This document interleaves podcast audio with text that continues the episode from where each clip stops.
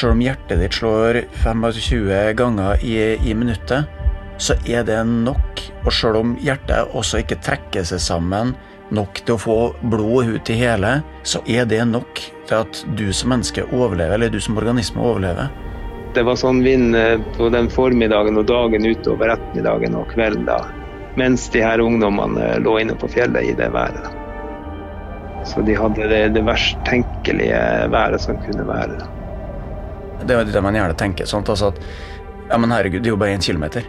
Og så skal du prøve å gå den kilometeren i motvind, i regn, i sludd, i én meter med løssnø. sant? Og jeg springer jo 3000 på tolv minutter. Hvor, hvor, vanskelig kan det være? Men når du er kald og alt dette der, så, så spiller jo dette her såpass mye inn at alt går så fryktelig mye saktere. Og da Da tar det veldig mye tid.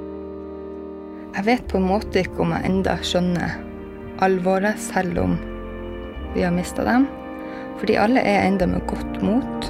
Ja, noen danser og synger, liksom. Prøver å holde humøret oppe. Tar noen bokseslag ut i lufta bare for å holde varmen. Jeg klarer ikke helt å eh, beskrive den følelsen. Fordi jeg har, jeg har enda Altså, jeg er enda ganske varm da. Og du vet, Stian og Matt som forsvant fra oss, de er mye mer fjellvante enn det vi var. Og jeg, på en måte, jeg ble jo veldig redd når vi ikke var med dem lenger. Men på en eller annen måte så følte jeg at uh, de der to Hvis det er noen som klarer seg, så er det de to, liksom. Men uh, på en annen måte så visste jeg jo at de hadde veldig lite klær på seg, sånn som alle vi andre hadde, for vi skulle jo bare en liten tur. Og vi er 17 år, så vi vet ikke. Vi har ikke sjekka værmeldinga, og vi har ikke Vi har ikke ull på oss. Når vi fryser, sier kroppen fra at den er utsatt for noe den ikke liker. Som mennesker er vi gode på å kvitte oss med varme. Vi stammer fra varme strøk, og ikke så gode til å ta vare på varme. Når kulden setter seg i kroppen, reagerer den med å trekke sammen blodårer. Den gjør alt den kan for å beskytte de viktigste organene våre. Hjernen, hjertet og andre viktige organer. Fingre og tær er ikke så viktig. Nedkjøling kan skje ganske raskt, og det trenger ikke å være så kaldt heller før det skjer.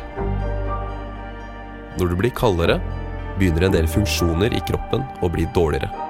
Finmotorikken forsvinner, og ting man er vant til å få til, klarer man ikke. Glidelåser blir nesten umulig å få til. Knapper, de kognitive evnene dine, svekkes. Det blir vanskeligere å navigere, ta gode vurderinger på hvor skal vi søke ly, skal vi fortsette å gå, den type ting. Evnen til selvberging svekkes. Jo kaldere man blir, jo mer sløv blir man. Du får lyst til å sette deg ned. Kroppen er nær ved å gi opp. Kroppens behov for oksygen reduseres, og det samme gjør prestasjonsevnen. Den distansen du vil være i stand til å gå i normal temperatur, blir nærmest umulig. Du hører på Våre historier, del to. Vi skulle bare en liten tur. Jeg heter Thomas Haraldsen.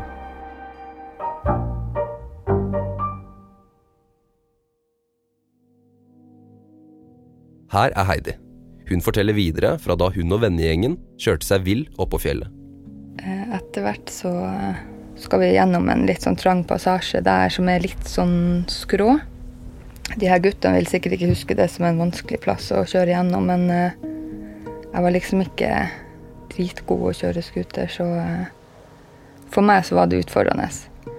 Men den plassen, den kom vi fram til tre ganger. Samme plass. Da skjønte vi at vi har ikke peiling på hva vi styrer med. Her har vi kjørt i ring lenge. Så vi må bare finne en plass og få ringt. Vi trenger hjelp, liksom. De syv som er igjen i gruppa, har mistet retningssansen og vet ikke hvor de er, eller hvordan de skal komme seg tilbake til hytta. Sikten er nesten null. De ser bare masse våt, tung snø foran seg, og det blåser. I et sånt vær er det nesten umulig å se uten å ha briller på. I dette været har det lagt seg et tykt islag på mobilantennene, og mye av mobildekningen forsvinner. Så da ringer en av guttene. Jeg tror bare var en telefon som fikk inn dekning. Fordi at jeg prøvde å ringe både ja, 112 og en er null, og en er tre, og mamma. mange ganger. Jeg prøvde å ringe mange ganger. Vi sto jo attmed en sånn mast, eh, sånn Telenor-mast, men de var jo slått ut siden det var jo orkanstyrke. Etter hvert, i hvert fall. Gruppen ringer nødnummeret og får tak i politiet. Så ringte, ringte han da, og så sa han navnene til alle som var med. Politiet ber dem om å holde seg i ro og vente på hjelp. Men de bestemmer seg likevel for å dra videre. Jeg tror vi finner ut at her kan vi ikke bli. Vi må ned. Men jeg vet ikke. Så det lureste hadde jo sikkert vært å bli der vi ringte fra. Men det gjorde vi ikke, da. Og når vi begynner å kjøre, så husker jeg at det var akkurat som at det kom litt lys på himmelen. Et lite solgløtt. Ikke et solgløtt, det var det ikke, men det var lysere på én plass. Og jeg tenkte at Det høres jo helt sykt ut. At man kjører mot lyset. Eller sånn er det ikke. Da hadde vi ikke kommet til det punktet ennå, da. Og det var ikke sånn at jeg tenkte nå kjører jeg mot lyset og inn i ja, evigheten, eller hva. Men det var et lite håp, egentlig. At jeg hadde et lite håp når jeg så at jeg Ja, hadde vel kanskje et håp om at det skulle lette, da. Men det gjorde jo ikke det. Én etter én går scooterne tomme for bensin. Gruppa stopper opp. De setter scooterne i en trekant, som en borg, for å skape le for vinden. Så setter jeg min trekant, og så begynner jeg å skal fylle igjen de hullene mellom de scooterne, da. Og når jeg er ferdig med det, så er det egentlig fullt inni den der trekanten vi har lagd. Og jeg er bare en person som Jeg vil ikke være Jeg orker ikke å være til bry. Jeg gidder ikke å Jeg gidder ikke å presse meg inn der mellom noen. Så jeg tenkte bare sånn, ja ja, altså hvor lenge skal man ligge Jeg legger meg bare utfor. Jeg la meg utfor den ringen, da. Men i le for vind. I hvert fall da. Akkurat da var det le for vind. Historien til Heidi drar seg over nesten et døgn. Redningsmannskapet og politiet fikk den første meldingen om ungdommene allerede i nitida på morgenkvisten. Men været gjør at de må bruke dagen på å vente på at det skal bli forsvarlig å lete. Imens oppe på fjellet har ungdommene nesten gravd seg ned i snøen. Snøskuterne gir litt le, men de starter raskt å fryse. Og de venter. Da begynner jo så klart tankene å, å svirre bare på hvordan går det med Stian og Mats. De har sikkert kommet ned nå. Det er på en måte bra, fordi da kan de få hjelp til oss. Ja. Det tenkte jeg veldig mye, at de har kommet ned. Herregud, hvor bra. Må jeg på do en periode, så jeg skal reise meg opp. Uh, og da merker jeg jo at uh, jeg er på en måte snødd inne. Altså sånn Det er masse snø oppå meg når jeg skal opp. Men det går nå fint. Jeg klarer å få det av enda. Jeg har enda ganske mye følelse i både armer og bein. Så jeg klarer å reise meg opp ved å holde fast i scooteren. Hvis jeg slapp scooteren, så blåste vinden meg ned. Altså det var ikke sjans å stå oppreist uten. Jeg måtte jo av med jakka, for jeg hadde på ja, sånn bukseseler. Gjorde nå det jeg skulle, og når jeg skulle ta på klærne igjen, så får jeg jo ikke igjen i en eneste glidelås.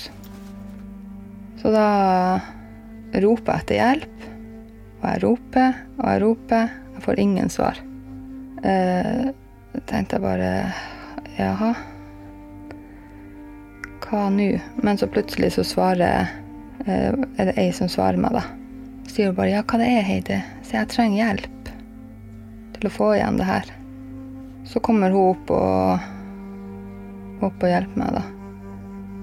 Men vi får det jo ikke til. Det er helt umulig. Alt er frosset. Så da blir jeg liggende der resten av tida med åpen jakke og åpen bukse. For glidelåsen går jo ikke igjen. Og under så har jeg en singlette og en sånn glidelåsjumper.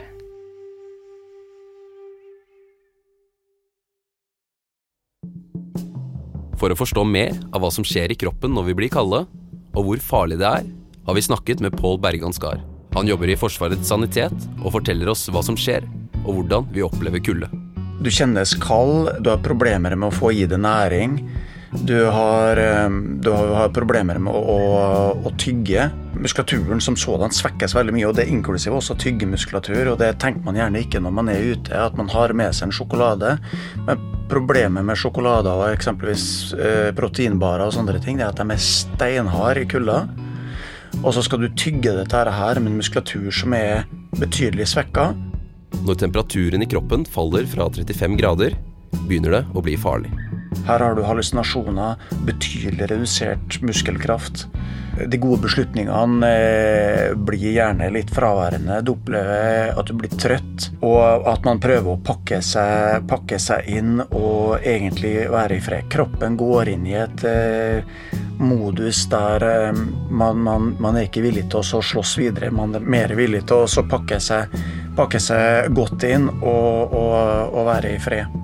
Fra 32 og kaldere her er det man ofte ser at hjerteproblemer og sånne ting begynner å slå inn. Og det kan være helt friske folk som får de, det som vi kaller for arytmier. Altså hjertet begynner rett og slett å fjuske. Og det går saktere, og det går veldig mye saktere. Og kroppen din trenger nå veldig mye mindre oksygen. All forbrenninga er, er satt ned på en absolutt minimum.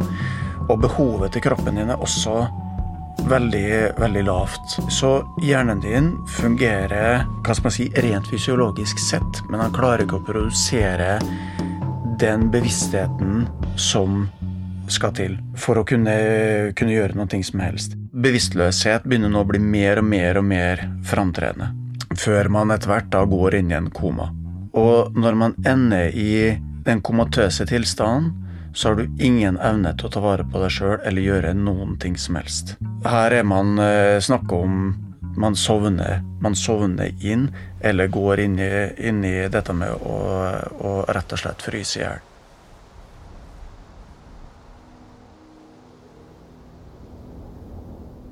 Altså når jeg merker at det er kaldt, altså det er liksom ikke Det er ikke beinkaldt den dagen der. Eh, men det er jo mye vind, da, så klart. Men enkelte ganger når jeg våkner fordi at eh, Ja, sovner jo når man la seg ned, da. Da er på en måte ikke så mye å gjøre, bare prøve å spare energi. Og så kjenner jeg plutselig ikke beina mine. Altså Helt umulig. Det er bare Jeg mm, tror ikke jeg klarte å, å løfte på dem. Og sammen med, med armene. Jeg lå egentlig tror jeg lå med armene Altså hendene under armene så jeg lå med hendene i kors hele tida. Så jeg lå og bevegde litt på fingre og, og sånn, og så mens jeg ennå kjente, så lå jeg og bevegde på tærne mine òg. Alle har jo, eller de fleste har vel kjent at uh, man ikke har følelse på en tå eller noe sånt når det er litt kaldt ute. Eller at hendene blir veldig sånn. Så uh, altså, det er kaldt, jeg vet ikke. Timene går. Dagslyset er i ferd med å forsvinne, og det blir mørkt. Heidi, som ligger utenfor den lille borgen av snøscootere gjengen har laget, klarer ikke å se de andre, for de ligger på andre siden av scooterne. Nå klarer hun ikke å bevege seg heller. Altså, jeg vet at de ligger der. Ja, det er mørkt og mye vind. Jeg prøver jo å rope på dem og får ingen svar. Og når hun som hjalp meg med jakka og det endelig svarte meg, da, så sa hun bare til meg at eh, Heidi, jeg tror ikke det er vits. Jeg tror de er døde. Så der ligger hun inni ringen der. Altså, da ble jeg jo så klart veldig redd og lei meg. Jeg begynte nok å gråte når jeg la meg ned, men det er liksom sånn at man rekker på en måte ikke helt å hun, hun, sa ikke 'de er døde', hun sa 'Heidi, jeg tror de er døde'. For det var jo ingen som svarte. Da begynte jo tankene å gå, og det eneste jeg tenkte, var sånn der 'Jeg kan ikke dø nå. Jeg kan ikke dø nå. Jeg kan ikke dø nå'. Jeg må jo si ha det til dem jeg er glad i, før jeg før jeg dør. Jeg har ikke snakka med dem hele helga, liksom. Jeg har vært på hyttetur. Jeg husker ikke hva det siste jeg sa til dem var. Jeg kan ikke dø før jeg sier ha det til mamma, pappa og søstrene mine. Det er bare det kan ikke jeg gjøre. Så eh, ja. Så sovner man jo igjen. Har ingen energi. Våkner jo etter hvert. Jeg må på do igjen. Jeg skjønner at det kan ikke jeg gjøre. Jeg kan ikke gå på do nå. Og så tenkte jeg jeg er så jævlig kald. Hvis jeg, hvis jeg tisser nå, så blir det varmt. det blir deilig. Så tissa jeg bare på meg, da. og det var jo deilig. Det ble jo varmt i ti sekunder. men det var Ja, det høres helt sykt ut, men det, det, liksom, det husker jeg godt. Fordi at ble, altså fordi at det ble varmt, og jeg var så sykt kald, og jeg kjente ikke beina mine. Jeg kunne ikke stå på dem. Jeg skjønte jo da at jeg kjenner jo beina mine, det er bare at de er veldig kalde. De er jo der. Når kroppen fryser og trekker blodårene mer og mer sammen, får du mer sirkulerende blod i kroppen. Kroppen reagerer med å ville skille ut overskuddsvæske. Det er derfor Heidi kjenner at du må tisse. Etter hvert så begynner jeg å drømme eller hallusinere eller jeg vet ikke helt hva jeg gjør. Men jeg hører fly over oss. og da tenker jeg sånn Det er ikke et fly over oss nå. Fordi det er ganske heftig vær ute. Jeg tror ikke de kan fly over her. Og så begynte jeg jo Det var akkurat som at jeg hørte og så at Mats og Stian kom. De kom opp på en scooter. Ganske godt humør. Og jeg ropte på dem, og jeg ropte på dem. 'Mats, Stian, Mats og Stian, hallo.' 'Å, så bra at dere er her.' Og så skjønte jeg jo at det er de jo ikke. De er jo ikke her.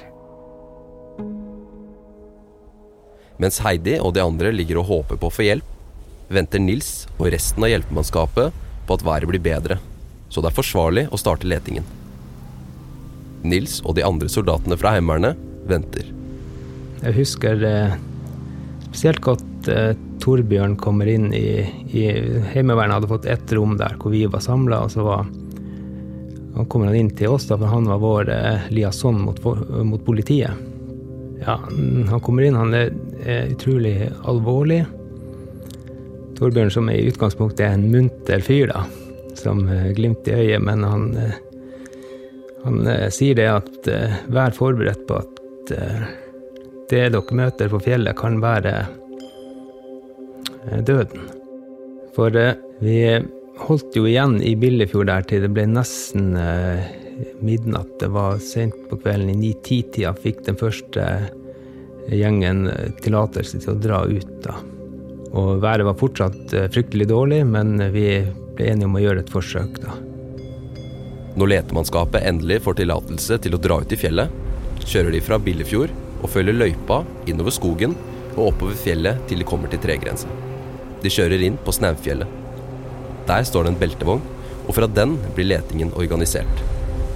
Heimevernssoldatene og politiet bruker vogna som ly for å se på kart og legge en plan. Politiet fordeler hvem som skal kjøre hvor. Nils og resten av hjelpemannskapet har en stor oppgave foran seg. De skal lete på nattestid. Været er fremdeles dårlig, og ungdommene de leter etter, har vært borte lenge. Når vi fikk eh, klarsignal til å kjøre inn på fjellet, så hadde det jo gått eh, veldig mange timer siden de her eh, ungene var, var, blitt eh, borte. Og da var eh, vi forberedt på at det, det, som eh, vi kunne finne, var noen som også ikke var i live. Og det er noen, en tanke som eh, surrer litt i hodet da. Snøskuterne lager mye støy, og det er vanskelig å kommunisere mens man kjører. Derfor holder de kontakt ved at de kjører så nært at de ser hverandre. Det som er, er utfordringa med, med, sterk vind, det er jo å ha kontroll på gruppa som du er i lag med. For, at for egen sikring da, så må man jo sørge for å holde så tett at man kan kommunisere. Det er vanskelig å kommunisere når det blåser eh, så hardt som det, som det gjorde der. Da. Så da, da, er man bare nødt til å eh, ty til eh, Man må komme helt tett inn på hverandre for å snakke i lag. Og stå med ryggen mot vind eller sitte på huk, finne seg skjul. Er, vinden er så sterk at det, det, går ikke an å stå rett opp ned. Da. Du må sette så så sjøbein for å klare å stå imot. da. Eller så blåser det over ende. Du må stå med ansiktet med vind da, for å i hele tatt eh, puste. da. Vi bruker ikke noe tegn og signaler på, eh, på selve snøscooterkjøringa, eh, annet enn at han som leder søket, kjører i midten, så har han x antall snøscootere på hver side av seg, da, utover med en avstand, sånn at man ser hverandre og ser lendet imellom, at vi ikke kjører forbi noe. Området de leter i, er stort. Det er et ganske flatt landskap i Finnmark. På vidda er det småokkupert, og selv om man kan se langt, så består landskapet av snøskavler, elvedaler og bekker som gjør letearbeidet vanskelig. Nils er søksleder i sitt lag, og det er han som innimellom stopper gruppa for å sende noen til å undersøke områder de ikke kan se fra scooteren, for å se om det kan være noen der. Gruppa må kjøre sakte og kontrollert for å ikke utsette seg selv for fare. Vi kjenner området som vi leter i veldig godt. Eh, og så godt at innimellom, selv om vi ikke ser noe, så er det nok å komme innom en stor stein, så, så vet vi hvor vi er, og vi har vært der før i godt vær. Så, så det er litt sånn eh, Det er nesten sånn man, eh, man leter i et område så man kan visualisere seg hvordan det ser ut, selv om du ikke ser noe, for du har vært der såpass mange ganger i, i, i godt vær. òg. For min del var det, var det tilfelle eh, i det området her. For det er et område som jeg har eh, brukt både på vinter og sommer eh, på jakt og fiske. Og vært i, i tidligere, både i godt og dårlig vær. Så jeg vil si at det er særdeles viktig at Heimevernet og alle soldatene er, er godt kjent i nærområdet. Og har vært ute i, i områdene i alle mulige typer ja, alle årstider og alle mulige typer vær eh, som, som, som, mulig. Da. For at det gir oss en, eh, en ekstra fordel. Nils og laget hans leter. Nils kjører i midten. På scooteren sin har han en GPS. Når han trenger å stoppe, stopper først Nils, som er søksleder. Så følger nestemann i rekka, og nestemann, og sånn holder de følge. Noen sier at det å kjøre snøscooter er som å kjøre en båt på vannet bare at du ikke synker ned i snøen, som du gjør på vann. Men du må jobbe med scooteren. Holde balansen hele tiden. Følge med foran deg, sånn at du unngår det som kan gjøre at scooteren tipper.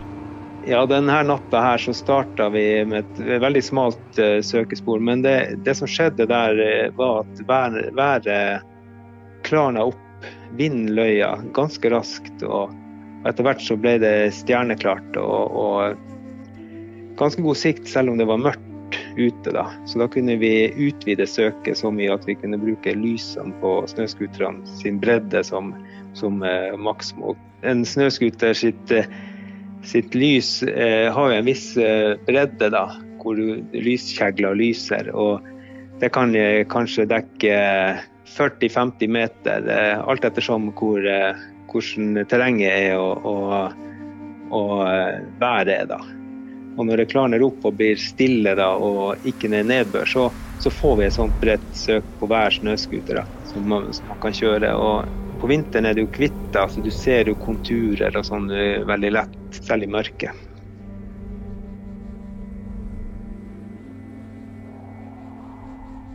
Og vi leter i alle eh, hull som snøen har laga, og vi leter i sånne kløfter og juv hvor det er mulig å finne ly for at eh, det kan jo tenkes at de har vært heldige å treffe på et sånt sted og kunne finne seg lyder.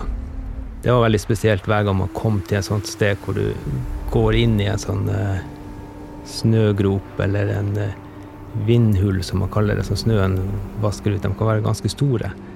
Og du håper på at oi, jeg håper jeg finner dem her i frisk og rask, da. Men uh, de hullene var tomme. Stort sett overalt var det. Det fantes ikke spor etter etter verken snøscootere eller, eller ungdommer. Det har blitt natt. Været har blitt bedre, det er klart. Plutselig lyser en nødrakett opp på himmelen. Nils og flere andre letegrupper setter kursen mot lyset. Det tar bare et par minutter før Nils er på stedet. Snøscooterne er lette å se der de står midt ute på et vann på isen. Nils starter å orientere seg. Jeg parkerer snøscooteren min eh, ca. fem meter fra gruppa med mennesker som jeg ser på isen, eh, og ser at her er det mer enn Forsvarets eh, snøscootere og går av. Og på vei bort så Det første som møter meg, det er en, en ungdom, og jeg går i gang med å undersøke den personen da, for å se om det kan være tegn til liv, om det er puls. En av ungdommene i gruppa, Andreas, har omkommet før letemannskapet kommer frem. Når man kommer til et skadested, må man orientere seg. Hvem trenger hjelp først? Hvem er det kritisk med? Hvem kan vente? Og hvem kan vi ikke redde? På medisinspråket kaller man det gjerne triasje. Det ble raskt konstatert hvem eh, man kunne skulle rette, rette fokuset mot for å redde liv. Og snur meg rundt, og så ser jeg en hjelm som stikker opp av snøen, en skjerm. Og jeg setter meg ned der og graver forsiktig frem, og det er en ungdom som er føket ned i snøen, da. Eh, hvor bare hjelmen stikker opp litt. Og jeg får hjelp til å få den ungdommen opp av snøen, og det er liv. Jeg ser det på øynene. Og jeg tar min egen fjellduk eh, frem, tar av meg bobleklærne mine og drar duken over hodet og får hjelp til å få den ungdommen inn i duken, da. Og opp på fanget. Jeg er helt sikker på at uh, utdannelsen i, i, i Forsvaret, befalsutdannelsen og tjenesten i Heimevernet har vært med på å uh, gjøre meg rolig under, uh, under, press. da, For det er jo et press du kommer til der, og du skal gjøre prioriteringer. Og, og, og, jeg husker at det var helt rolig. Alle rundt var rolig. Det var en rolig stemning kollegaene mine opptrådte rolig, og det var lav eh, tale. Det var ingen som brukte høy stemme for å Alt gikk i en sånn eh, med en ro, da. Kontrollert ro. Så vi fordelte oppgavene rolig og, og fokuserte på, på, den personen som vi fikk da, ansvaret for å, å få varma opp og få tilbake i temperaturen på. Da. På vannet der ungdommene ble funnet, er Nils en av flere redningsmannskaper som jobber for å ta vare på de nedkjølte ungdommene til de kan hentes ned av et helikopter. Og jeg sitter på en av de skuterne som de eh, ungdommene har satt i et slags eh, kringvern for å beskytte seg mot vind. Da. Med den ungdommen på fanget og begynner å få bort snø og is da, som har danna seg i håret og rundt hjelmen. Og får etter hvert hjelp til forsiktig å dra den hjelmen av. Og det er tydelig at det er, det er liv, men eh, såpass mye nedkjøling at det er ikke noe kommunikasjon. Det, er, det kommer ikke noen eh, ord eh, i starten, da. Selv om man prøver å prate rolig til dem. Og den ungdommen har veldig lite klær på seg, en tynn eh, trøye på kroppen. da, og jeg tenker at det er en god måte å gradvis varme opp eh, personen på. da og ser rundt meg og ser at det, det jobbes med flere. Nils har tatt en av ungdommene på fanget sitt under en fjellduk og prøver å gi av sin kroppsvarme til den nedkjølte personen. Jeg bruker jo hendene til å prøve å forsiktig gi varme også med min egen kropp. da. Kroppsvarmen inni en sånn fjellduk. Jeg husker jo at det var veldig kaldt da, for min del også. Men, men ikke så kaldt at jeg ikke klarte å produsere energi nok da prøvde å ta det her rolig, for jeg så jo at vi var på rett vei. Altså, det gikk ikke i, i, i gal retning. Altså, vi, vi, var i ferd med å få temperatur, og da brukte vi den, bare tida altså, som det tar å, å opprettholde temperatur inn i fjellduken, eh, nok til at uh, personen får varme. Da. Det er ikke noe quick fix på det der når Vi hadde jo ikke med noen sånne varmeflasker eller noe sånt. da, og og det kan jo godt hende at eh, det er smart å ta litt tid altså, i sånne situasjoner. Det er det vi har lært, i hvert fall, at man skal ikke eh, tilføre varme for fort. Det går kanskje en time. Sakte, men sikkert stiger kroppstemperaturen. Gradvis underveis så, så kommer temperaturen tilbake, og personen begynner å skjelve fryktelig. Da eh, får sånn eh, voldsomme skjelvinger i, i kroppen, akkurat som når du fryser. da og begynner etter hvert å, å, prate. da. Veldig usammenhengende. Og det var ikke mulig å få noen god eh, dialog. Tenkte at det beste her er vel å forholde seg rolig og bare la tida gå. Det går den veien det skal, og spesielt etter hvert som eh, jeg får til en, en kommunikasjon med personen. da, og, og, det er naturlig å prøve å spørre hva som har skjedd, hvordan de har det. og det kommer jo eh, etter hvert eh, frem eh, informasjon der da om hendelsesforløpet. Fordi at personen etter hvert som man kommer tilbake i, til bevisstheten, så begynner de å fortelle. da. Så jeg fikk jo en del informasjon der som, som, jeg tok med meg videre til For det her var ikke alle ungdommene som var savna, som var der. Det mangla fremdeles to stykker. da. Heidi er en av dem som overlever.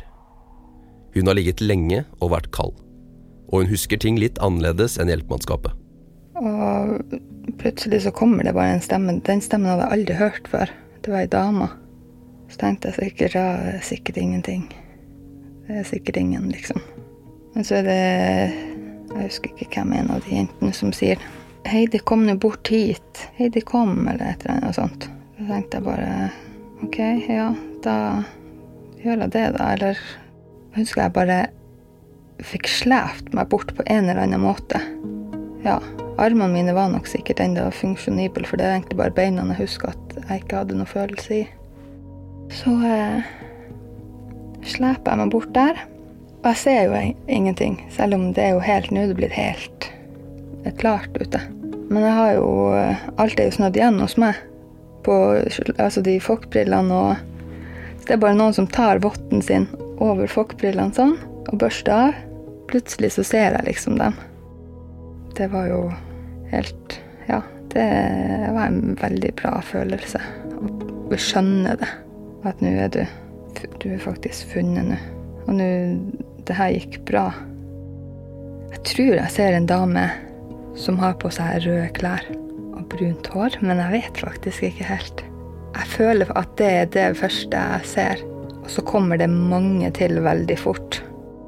Jeg tror jeg ser uh, er sikkert fem hodelykter som bare Jeg ser ikke dem, men jeg vet jo at de ser meg godt. Så sier de sånn Ja, skal vi av med litt Dere skal få på dere litt tørre klær. Jeg bare Ja, det er fint, det. Um, men jeg pissa på meg, så dere måtte ha av meg trusa og Ja, de var sånn Ja, OK. Um, der står de altså fem mannfolk, lyser meg rett i skrevet. Jeg var sånn Ja, det holder med én eller to. Dere andre kan snu dere. De bare wow, ja, ja, ja, OK, ja, så klart. Herregud. De tenker jo sikkert ikke på det. De vil jo bare hjelpe fort og få fort av klær og fort i mat og drikke og Det var veldig morsomt. Det ble litt latter. Latter på fjellet, da, for å si det sånn. Ganske umiddelbart etter en, ja, et heftig lite døgn der. Så er det nå en der som jeg får lagt fotene mine på magen til. Og han står der, altså. Han står der lenge. Jeg bare Det går sikkert fint nå. Han bare Nei, det her vi skal få deg ordentlig varm, liksom. Det er jo Jeg tror egentlig de fleste har kjent på den følelsen. Legge noen kalde tær på en, på en varm kropp. Det er bare helt sånn ubeskrivelig deilig. Ja, man bare begynner å kjenne at følelsen kommer tilbake da. Det prikker Begynner å prikke i beina, og de blir sakte, men sikkert faktisk varm. Altså ordentlig De blir varm og god. Det er et ganske stort antall letemannskap oppå vannet med ungdommene. Etter en stund er været godt nok til at redningshelikoptre kan komme for å hente ungdommene ned fra fjellet og fly dem til sykehuset. Så kommer Sea Kingen etter hvert, da, som jo har prøvd å lette mange ganger. Og Her kommer jo en kjent stemme. Mora til bestevenninna mi. Kommer og så sier hun bare 'Hei, Heidi. Jeg skal bare måle temperaturen i øret ditt'. Hun er lege da, på eh, Sea King-helikopteret. Det er noe av det jeg husker, liksom. At hun kommer og sier 'Heia, Heidi'. Det er bare, ja, Å høre en kjent stemme som du vet at nå skal du til sykehuset, eller du skal hjem til Hammerfest. Ja, det var det var veldig deilig. Betryggende. I helikopteret så får vel jeg og Siri, tror jeg, en liggeplass. Så mens jeg ligger i helikopteret, så sender jeg melding. Heia. Heia, mamma. Vi er på vei til Hammerfest sykehus. Kan du ta med noen tørre klær til meg og Siri? ja. Mamma har sagt at den meldinga der skal aldri slettes. Heidi blir fløyet til Hammerfest sykehus. Men de to guttene, Mats og Stian, er fremdeles ikke funnet. Nils har fått informasjon fra en av ungdommene som har fortalt om turen, sånn cirka hvor lenge og hvor de har kjørt, og hva de har sett underveis. Han får høre at de har kjørt under en kraftlinje, Og i det området vet han at det bare finnes én. Så da skjønte jeg jo med en gang hvor eh, de hadde skilt lag med de to andre som var savna, da. Ut ifra den informasjonen, da. Hvor de hadde skilt lag ved, ved kraftlinja, da. Og eh, ja, det var jo informasjon som jeg tok med meg videre, da. Området de tror de to siste ungdommene befinner seg i, er veldig kupert og vanskelig å kjøre i. Denne leteaksjonen her ble jo en todelt sak, hvor vi først fant eh, en del av ungdommene. Og så viser det seg at det var to stykker som mangla i den gruppa som hadde kommet bort fra dem eh, tidligere. I neste episode. Men de her hadde kjørt veldig rotete, eh, litt frem og tilbake, gitt mye eh, gass på snøscooteren, sånn at du, den hadde gravd opp snø. da. Jeg var temmelig sikker på at eh, her er sporet etter de to vi leter etter. Idet vi får han oppe i, i, i, og fri for snø, så ser jeg jo at det her er jo en slektning av meg sjøl. Denne serien er laget i dialog med de pårørende. Takk for at vi kan fortelle historien. Og takk til Heidi, som har delt sin historie med oss. Takk også til Nils Pettersen og Torbjørn Christensen fra Heimevernet. Våre historier er laget av Hege Svanes, Fredrik Tandberg, Ivo Vatnar Eikje, Kristine Hellesland og meg, Thomas Haraldsen. Lyd er hentet fra Soundly og Upright.